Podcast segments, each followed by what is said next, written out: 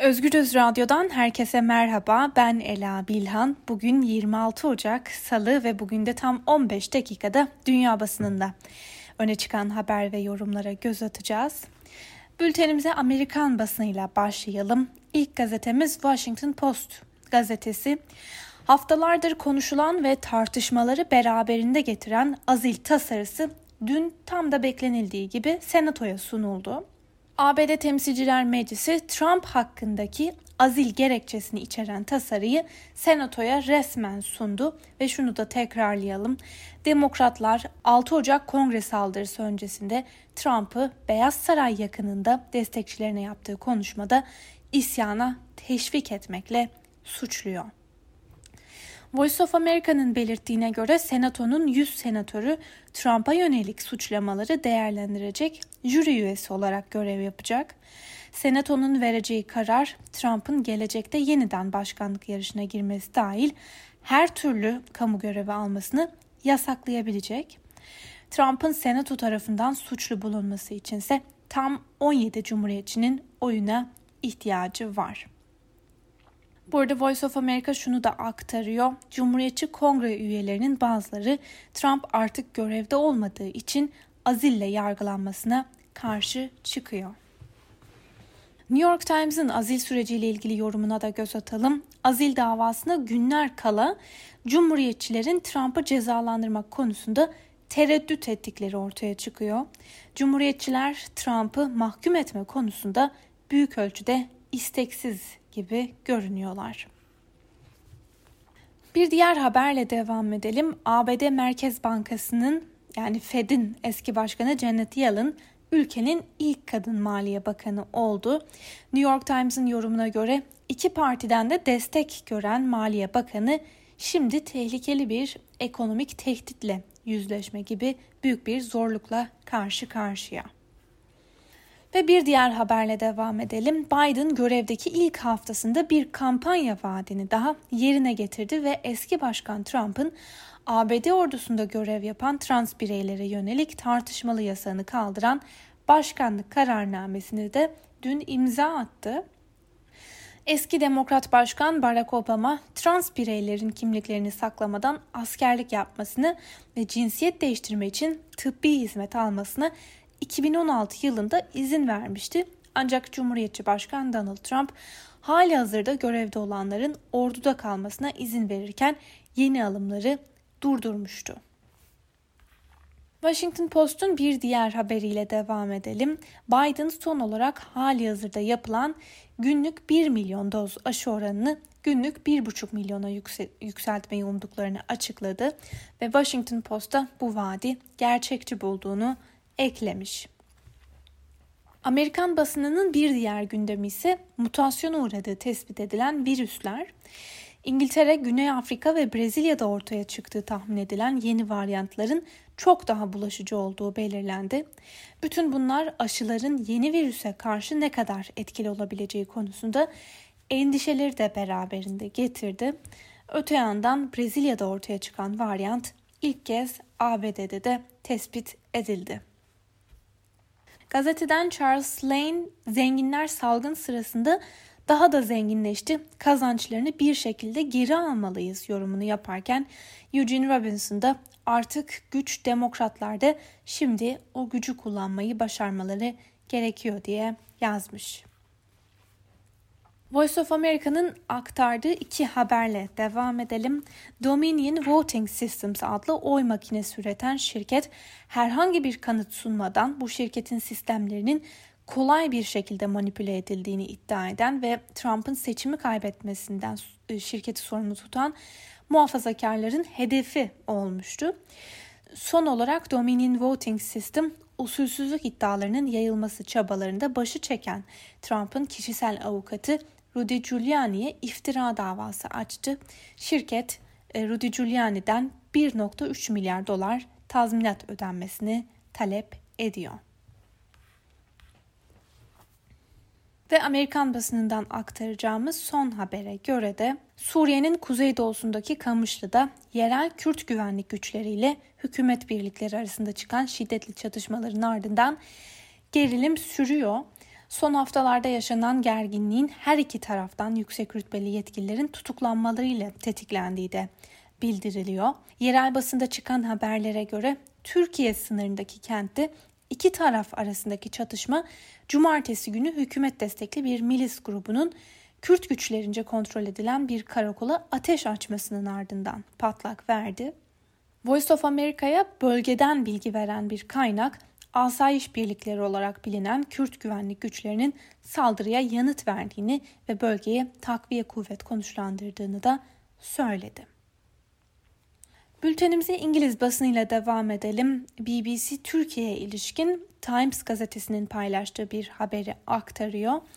The Times gazetesi Türkiye'de Hamas'ın faaliyetlerini incelediği haberinde Türk hükümetinin son haftalarda Hamas'ın ülke içi operasyonlarını kısıtlamaya başladığını ve Erdoğan'ın Filistinli militanlarla bağlarını yeniden gözden geçirdiğini yazdı. Hamas'ın Suriye'den çıkmaya zorlanması, Mısır'da da devlet başkanı Abdülfettah el-Sisi yönetiminde barınamaması üzerine Türkiye'ye yöneldiği aktarılan haberde şu ifadeler kullanılıyor. AKP Hamas'ın ilham aldığı Müslüman kardeşlerin ideolojisini paylaşıyor. Türkiye Hamas'ın bazı önemli üyelerine uzun süreli vizeler hatta Türk vatandaşlığı verdi. Sahiplenilmenin getirdiği rahatlıkla Hamas başına buyruk davranmaya başladı. Dış politikası darmadağın olan Erdoğan ülkesinin eski müttefikleriyle yeniden bir araya gelmeye çalışıyor. İsrail dahil elinde İsrail'in ilgilenebileceği bir pazarlık kozu var. O da Hamas. Gelelim İngiltere'nin kendi gündemine.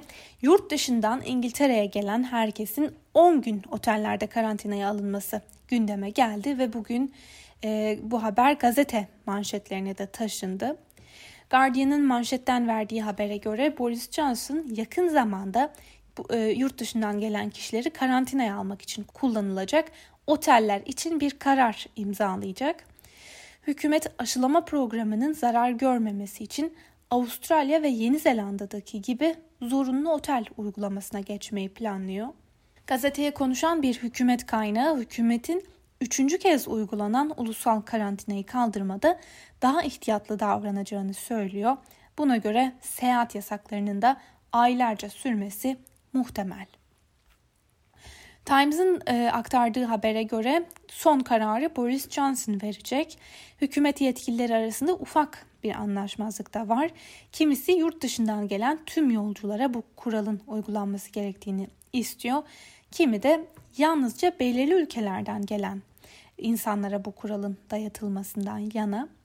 Times'ın belirttiğine göre uygulamanın tüm ülkeleri kapsaması daha yüksek ihtimal. Financial Times ise bu konuda aktardığı haberde ülkeye gelenlerin otel faturalarını kendileri ödeyeceğini aktarmış. Öte yandan salgından ötürü kalamadıkları yurtlara yüksek bedeller ödeyerek mali olarak zor durumda olan öğrencilerin ise kira grevine hazırlandığı belirtiliyor. Independent gazetesinin yorumuna göre Boris Johnson salgının başından bu yana halka gereksiz bir şekilde yanıltıcı bir umut veriyor. İnsanlara boş yere fazla umut vaat eden Başbakan Boris Johnson 12 hafta içinde salgının gidişatını değiştireceğinin sözünü vermişti. Ancak o sözün üzerinden tam 44 hafta geçti. Johnson hala dersini almamış gibi gözüküyor. Alman basınıyla devam edelim. Die Welt gazetesinin manşetinde bugün şu sözler var. Aşı üreticileri üzerindeki baskı artarken evde yapılabilen test kitleri de gündemde. Aşı üreticileri BioNTech, Pfizer ve AstraZeneca önceki günlerde üretimdeki aksaklıklardan dolayı Avrupa'ya kısa vadede planlanandan daha az aşı teslim etmek zorunda kalacaklarını açıklamıştı. Bunun üzerine Avrupa Birliği aşı üreticilerinden imzalanan sözleşmelere uymalarını talep etti ve gerekirse yasal yollara başvurabileceklerini de ekledi. Die Welt gazetesinin yorum köşesine de göz atalım.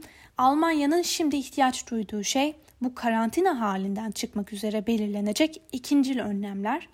Yani ülkede artık alınacak basamak önlemlerle tam kapanma durumundan çıkılmalı yorumunu yapmış Die Welt gazetesi. Deutsche Welle Almanya mutasyona uğramış koronavirüse karşı alarmda başlıklı bir haber paylaşmış.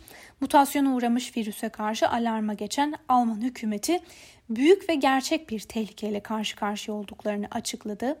Öte yandan Kuzey Ren-Vestfalya aşı randevu sisteminde kaos yaşandığı da belirtiliyor.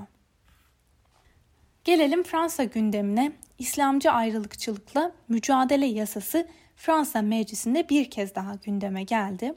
Fransa'da hazırlanan Cumhuriyet ilkelerine saygıyı güçlendirme yasası dün Meclis Özel Komisyonu'nda kabul edildi. Tasarı 1 Şubat'tan itibaren Meclis Genel Kurulu'nda da görüşülecek ve aktarılan haberlere göre yasada getirilen ilk ve en belirgin değişiklik kamu görevlilerinin tarafsızlığı ve dini görüşlerini gösteren semboller taşımaması hükmünün genişletilmesi oldu. Öte yandan Fransa'da üçüncü kez ulusal karantinanın gündemde olduğunu da söylemiştik dünkü bültenimizde ve Le Monde gazetesinin bu konuda aktardığı yorumda da bu yönde verilebilecek bir kararın hükümet kanadında bölünmelere yol açabileceği belirtilmişti Le Monde'un yorumunda.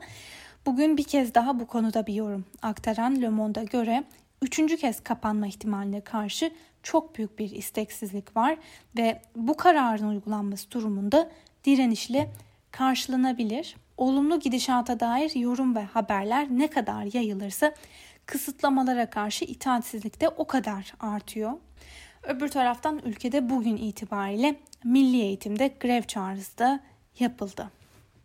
İtalya'da siyasi bir kriz yaşanıyor. Başbakan Giuseppe Conte, koalisyon hükümetinin küçük ortaklarından birinin desteğini çekmesinin ardından dün akşam yaptığı açıklamayla salı günü yani bugün istifa edeceğini açıkladı. Conte istifasının ardından yeni bir hükümet kurmayı başarırsa bu üst üste kurduğu üçüncü hükümet olacak. E, ve bir parantez açalım BBC'nin haberine göre Conte yeni hükümeti kurmayı başaramazsa bir ulusal mutabakat ya da teknokrat hükümeti kurulması da ihtimal dahilinde.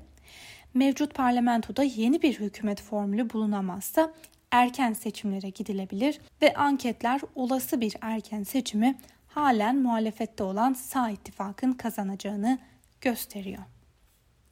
Hollanda'da artan vakalar karşısında hükümet ve yerel yönetimler ülkenin bazı bölgelerinde cumartesi akşamı itibariyle sokağa çıkma yasağı uygulamaya başlamıştı.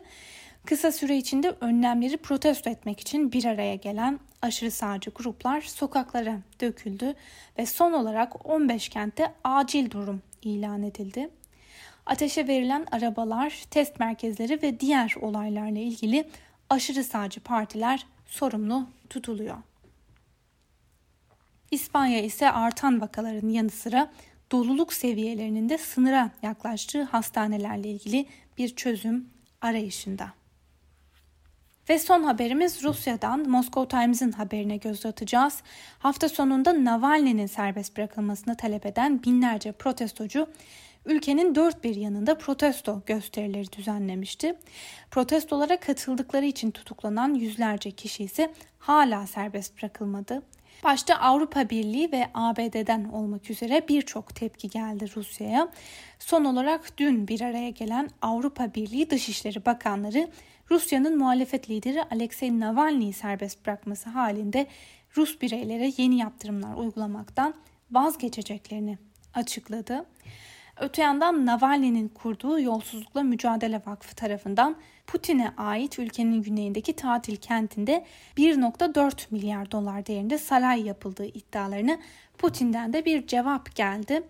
Putin görüntülerin kurgu olduğunu söyleyerek sarayın kendisine ve yakınlarına ait olmadığını söyledi ve iddiaları yalanladı.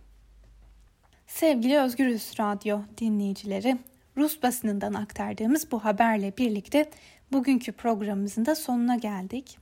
Yarın yani çarşamba günü 12 haberlerinden sonra yeniden sizlerle olacağız. Özgürüz Radyo'dan ayrılmayın. Şimdilik hoşçakalın.